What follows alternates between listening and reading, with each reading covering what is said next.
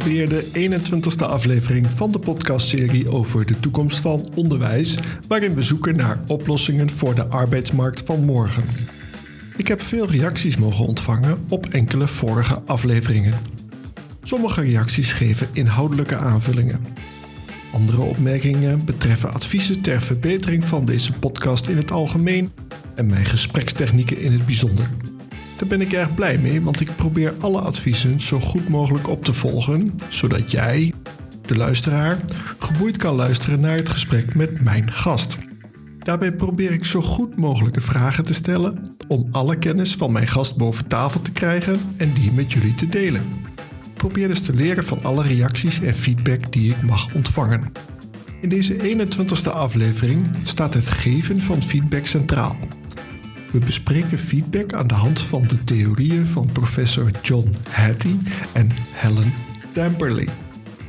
Daarbij gaat het niet alleen om het geven van feedback en het ontvangen van feedback, maar het gaat ook om feed-up en feed-forward. Niet alleen van docent naar student en tussen studenten, maar juist ook van student naar docent. Mijn gast durft de stelling aan dat het geven en ontvangen van feedback niet alleen relevant is voor docenten en studenten, maar dat feedback eigenlijk van belang is voor iedereen die wil leren. Voor het online geven van feedback gebruikt mijn gast de software van EduFlow. Haar ervaringen deelt ze graag. De naam van mijn gast? Haar naam is Annemieke Pepping en tijdens dit gesprek bevindt zij zich op een hele bijzondere locatie.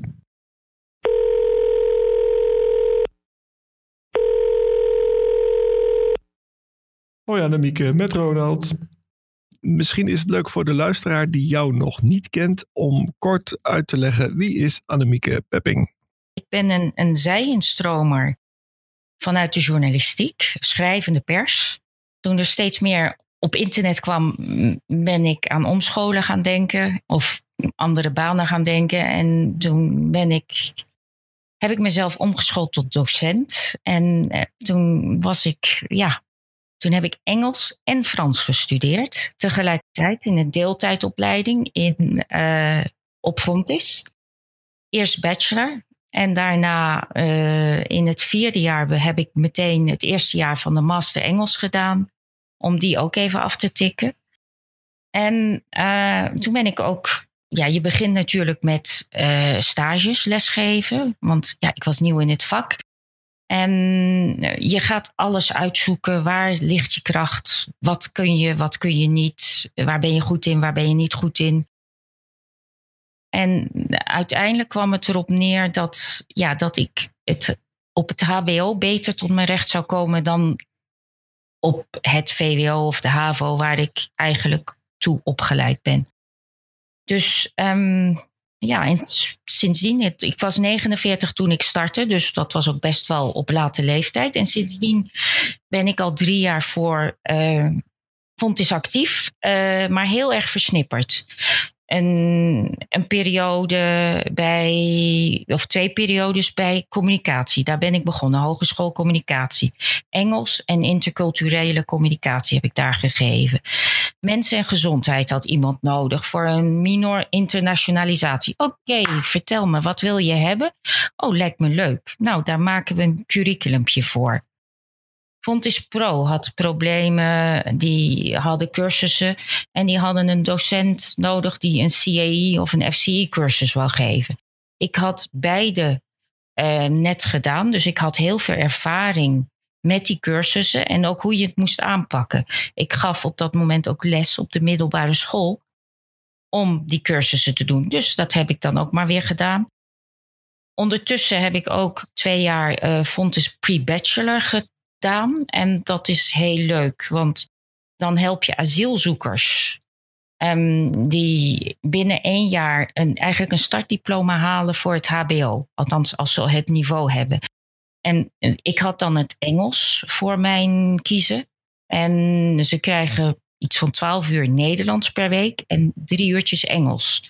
Dus aan het begin van het jaar spraken de studenten altijd perfect Engels, want ze waren gewend om te communiceren in het Engels. En van lieverlee door het jaar heen kregen we steeds meer studenten die Nederlands spraken. Dus ja, dat was ook wel iets van, daar moet ik nog onderzoek naar doen. Hoe dat nou zit, die inferentie, als je twee talen leert die heel dicht bij elkaar zit. Ja, dus dat, daar ga ik van de zomer waarschijnlijk wat over lezen. Waar zit ik nu? Ik zit nu bij Fontis uh, Bedrijf en Techniek in Eindhoven.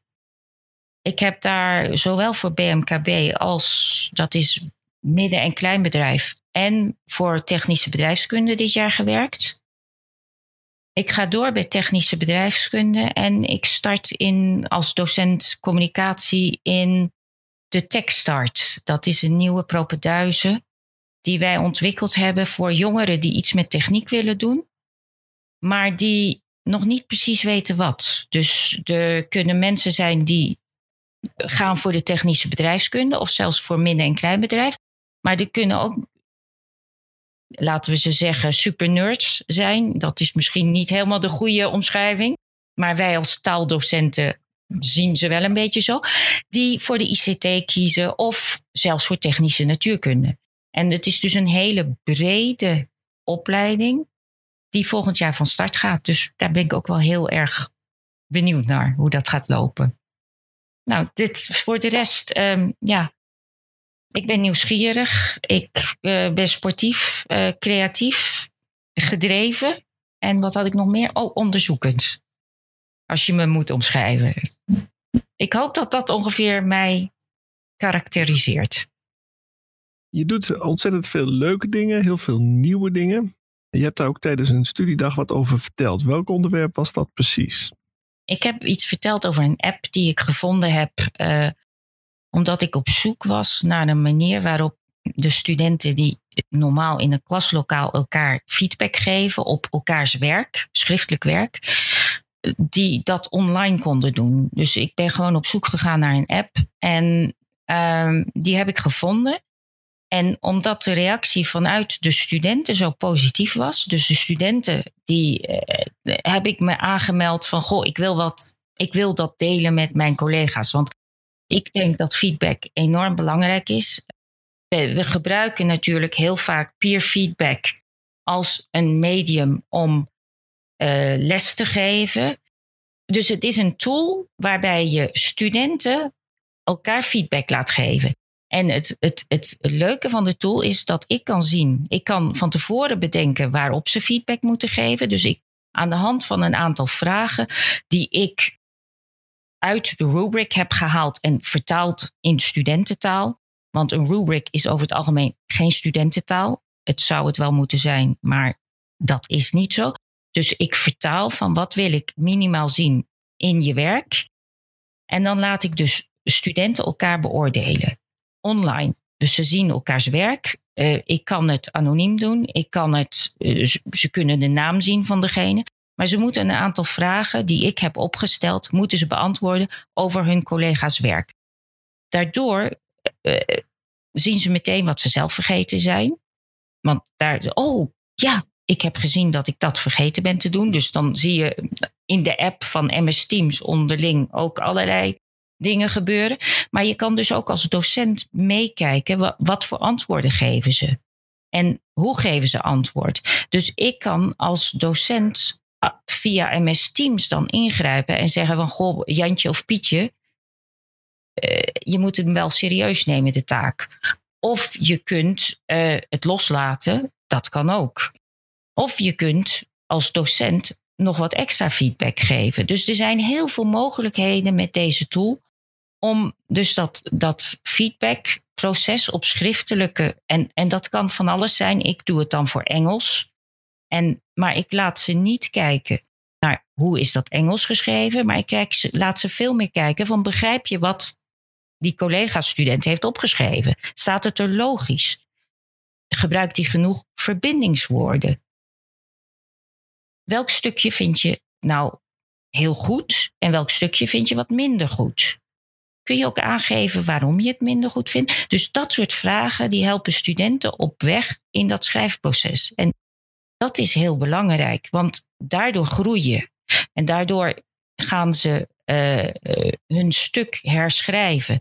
Terwijl als wij als docenten uh, feedback geven, dan krijg je eigenlijk alleen maar van, oh, dat is een D of een T verkeerd. Dus dan kijken ze eigenlijk alleen maar op spelling. En ik wil dat ze kijken op, op cohesieniveau. Op hoe hangt die tekst samen. En daar willen we naartoe. En daarvoor is dit een hele goede tool. Had je de naam van die tool al gezegd?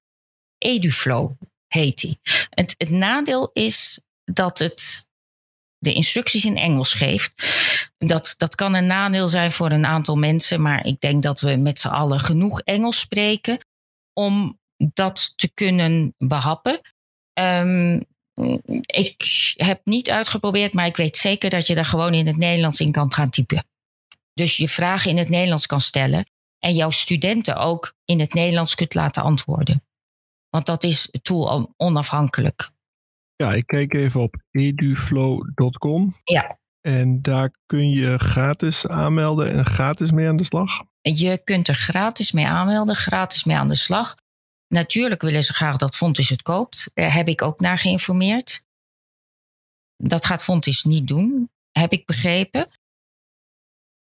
Dus dan moet je even gebruik maken van die ICT-kaart of het veilig is. En ik heb de veiligheid en de privacy, de VGA-regels, heb ik gegarandeerd door de student van tevoren te laten nadenken met welk e-mail ze willen aanmelden. Dus het hoefde van mij niet met een Fontis-e-mail, maar ook met een ander e-mail. En alle sensitive, privacy-sensitive uh, stukjes gewoon uit uit het geheel te knippen. En dat was bij mij toevallig best wel veel, want ze moesten onder andere een curriculum maken.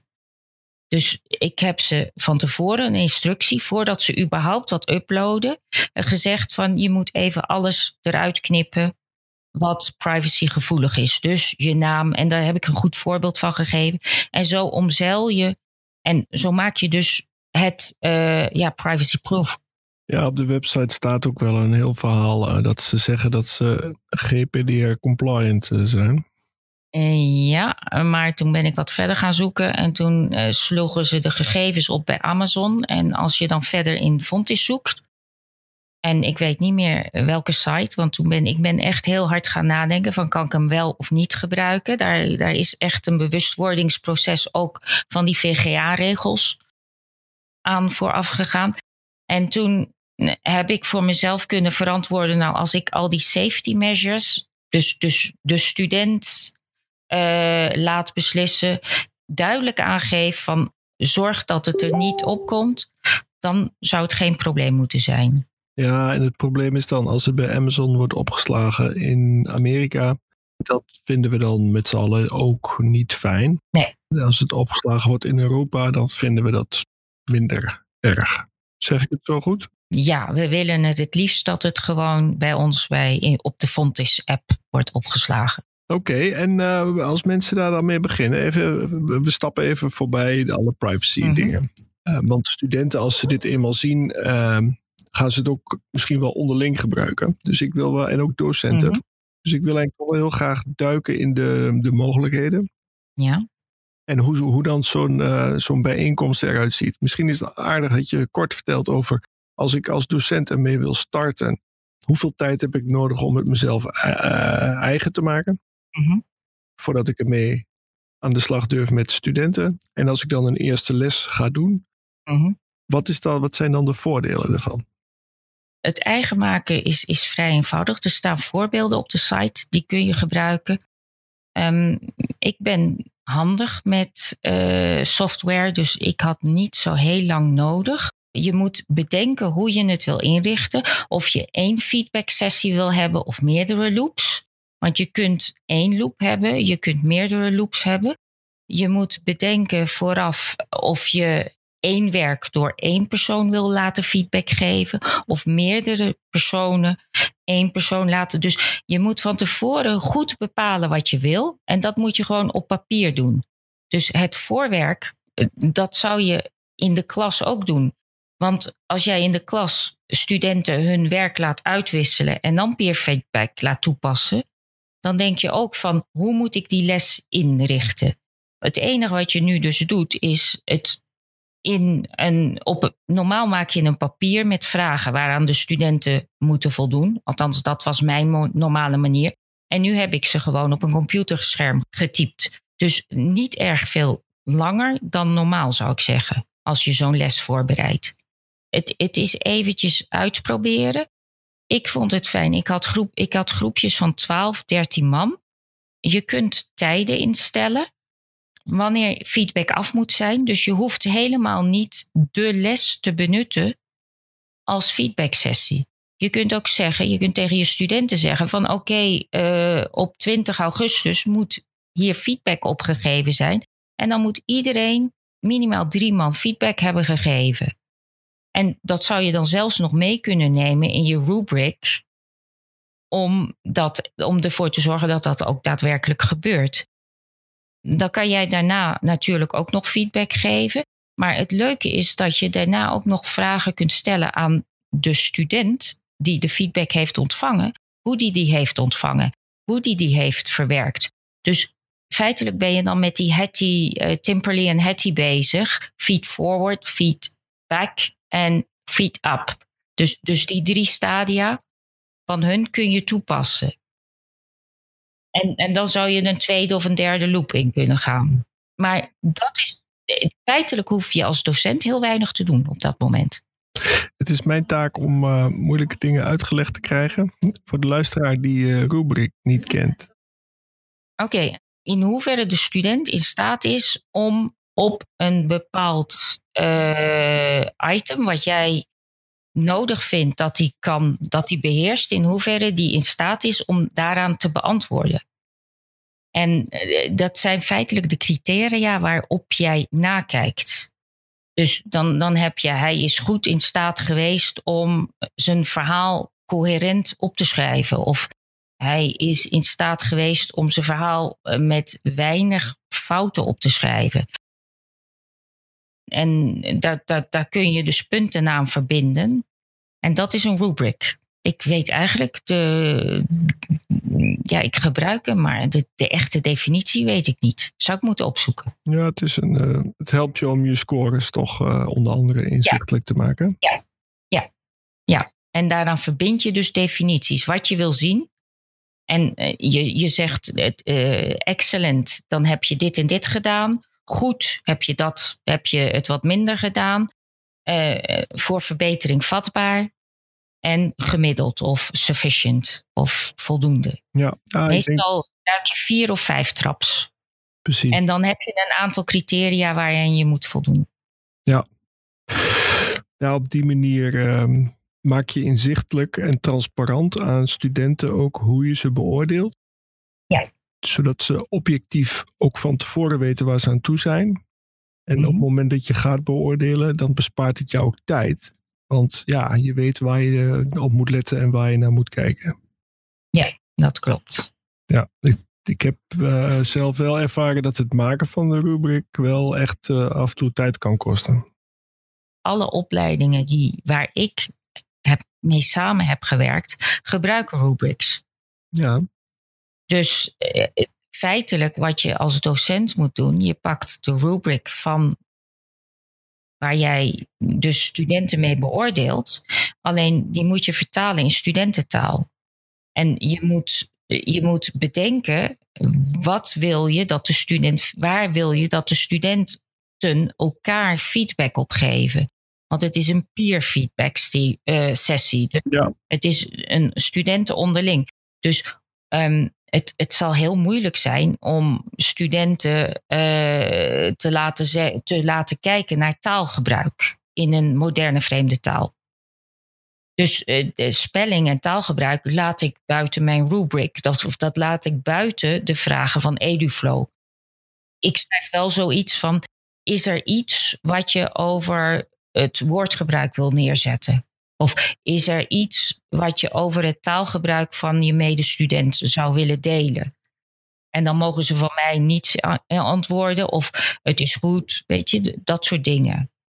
Ja, het helpt de student natuurlijk ook om um, te focussen op eigenlijk wat jij uiteindelijk wilt horen. Want anders gaan ze van alles vertellen over misschien wel interessante dingen, maar geen relevante aspecten die peer feedback gaat, gaat meestal over schriftelijk werk.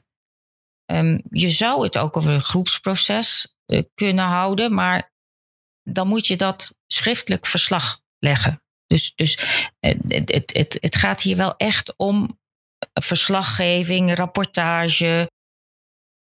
Ja, je moet continu portfolio's. Je zou bijvoorbeeld ook als docent een portfolio kunnen laten inleveren in EduFlow. En dan de studenten laten checken of alles erin zit. Feitelijk is dat ook een manier van peer feedback geven. En dat bespaart je als docent een heleboel werk, want dan geven ze elkaar wel aan eh, of alles erin zit of niet. Dus dan zeg je nog geen eens van hij heeft het goed gedaan of niet goed gedaan. Maar laat maar bij elkaar nakijken of alles erin zit. Voor eerstejaarsstudenten zou dat heel fijn zijn, want heel vaak uh, moet ik niet beoordeelbaar geven, omdat ze vergeten zijn één onderdeel in te leveren. Nou, als iedere docent op Fontis nou even EduFlow gebruikt om hun, de studenten de mogelijkheid te geven om dat even bij elkaar te checken. Iets wat ze gewoon normaal onderling ook wel zouden kunnen doen, maar soms niet doen. Zou dat ook hartstikke goed werken. Dus, dus je kunt het op, op allerlei levels eigenlijk inzetten. Nou, dat, dat klinkt toch wel als een nuttige, handige tool. Ja, nou, ik vond het erg handig. Maar ik ben dan tool savvy voor mijn leeftijd, laat het maar zo zeggen. Uh, je bent op meer fronten savvy, want leg nog eens uit. Je zit nou in Frankrijk in een radiostudio.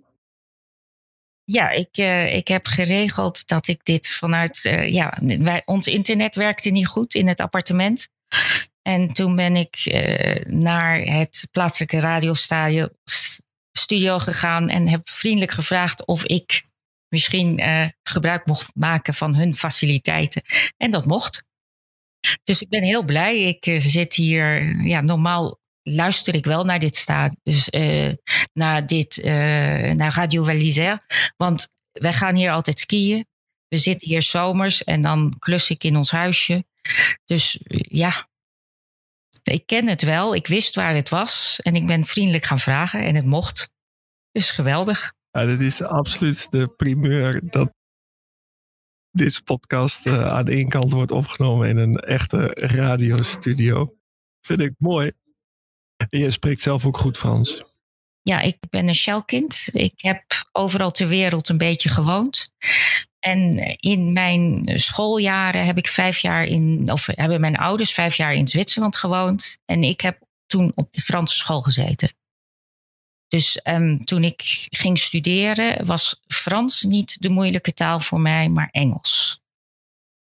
Ik had heel veel, uh, ik wist heel veel mooie woorden in het Engels, maar hoe ik ze moest uitspreken in het Engels, dat was een beetje, ik had continu dat Franse allo allo accent. Leuk. Heel andere vraag is: heb jij recentelijk nog een, boek of een e-book gelezen of een um, instructiefilmpje gezien dat jou heeft beïnvloed in jouw handelen en denken, los van deze EduFlow? Ik lees heel veel boeken. Uh, ik lees ook heel veel. Uh, ik ben ook iemand die, die continu uh, educatieve methodes bekijkt. kan ik ze gebruiken? Hoe kan ik ze inzetten?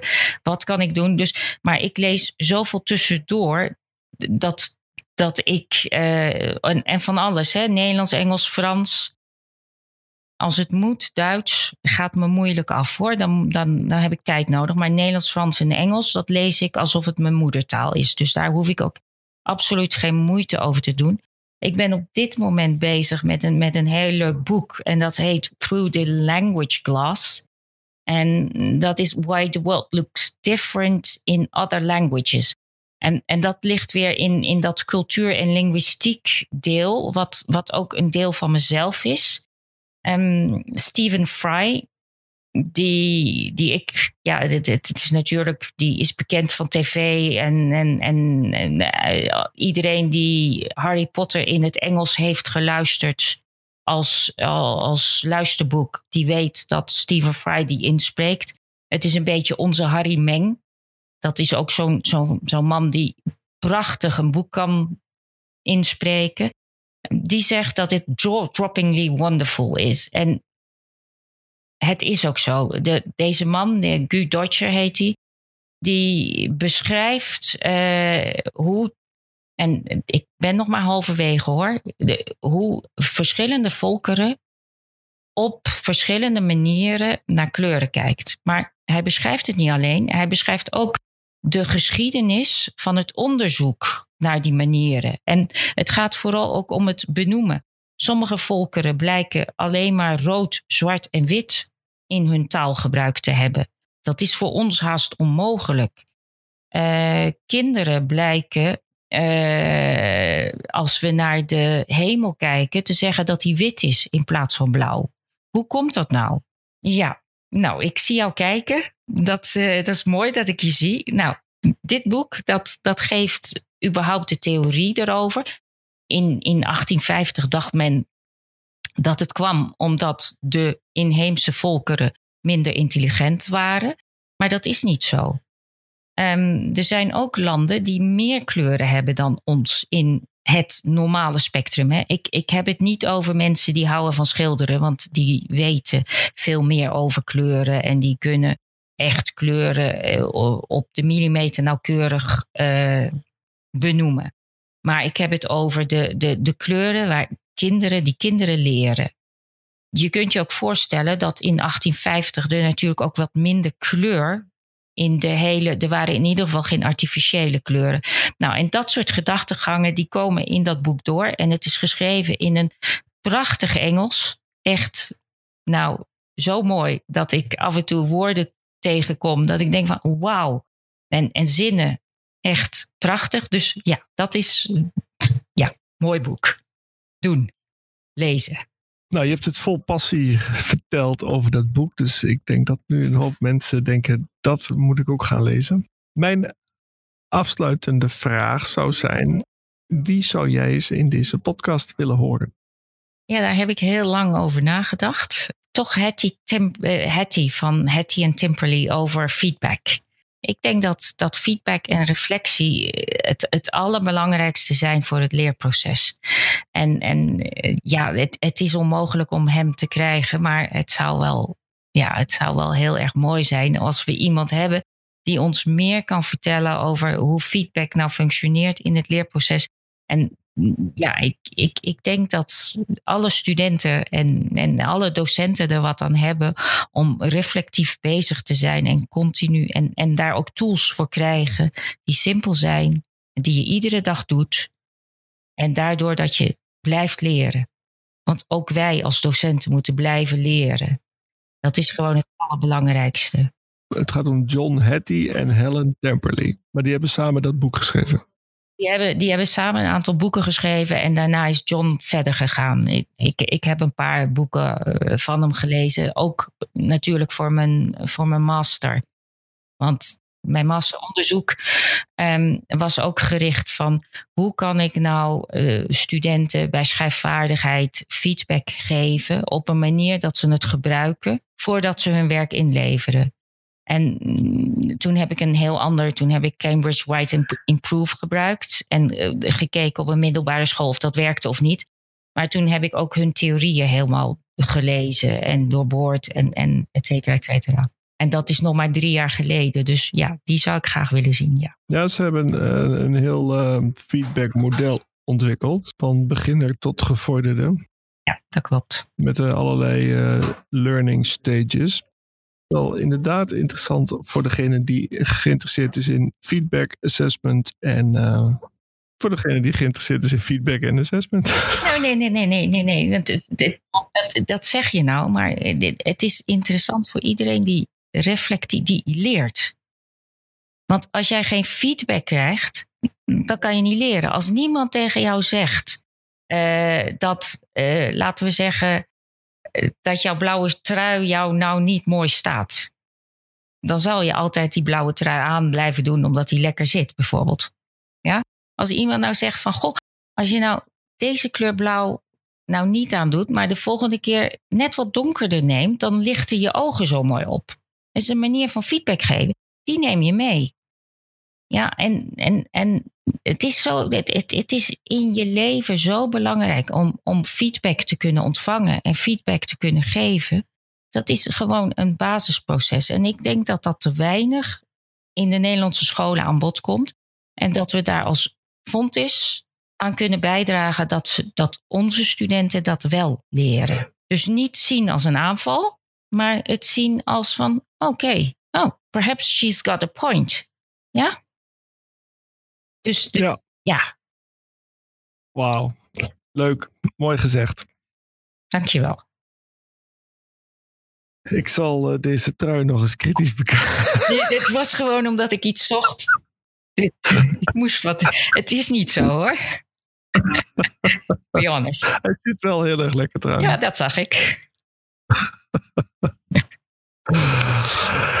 Leuk. Nou, daarmee zijn we denk ik wel aan het einde gekomen van dit gesprek. Tenzij je nog een laatste uitsmijter hebt of een dringende oproep. Ik hoop dat het wat wordt. Dat is alles. Ja, het is toch een, eh, een mooi bevlogen verhaal van jou. En daar kan ik eh, zeker eh, een hoop luisteraars blij mee maken. Als mensen nou graag meer willen weten van jou en je werk, of nog eens wat vragen hebben eh, naar aanleiding van dit gesprek, waar kunnen ze dan het beste contact met jou zoeken? Nou, gewoon via mijn Fontismail a.peppingroffel.fontis.nl. Mijn roffel is met twee F'en. En voor de mensen van buitenfond is, Ja, hetzelfde e-mailadres zou ik zeggen. Het is wel zo makkelijk. heb je ook nog op LinkedIn een profiel? Ja, dat heb ik wel, maar daar kijk ik niet dagelijks op. Dus dan, dit gaat veel makkelijker. Dus ik zou gewoon dit gebruiken. Ja, afsluitend eh, wil ik jou graag bedanken voor dit interessante gesprek. Nou, geen dank. Was leuk om te doen. Zeker uit Frankrijk zo, hè? in de studio van Radio Val En eh, dank aan Radio Val Un grand merci pour Radio Val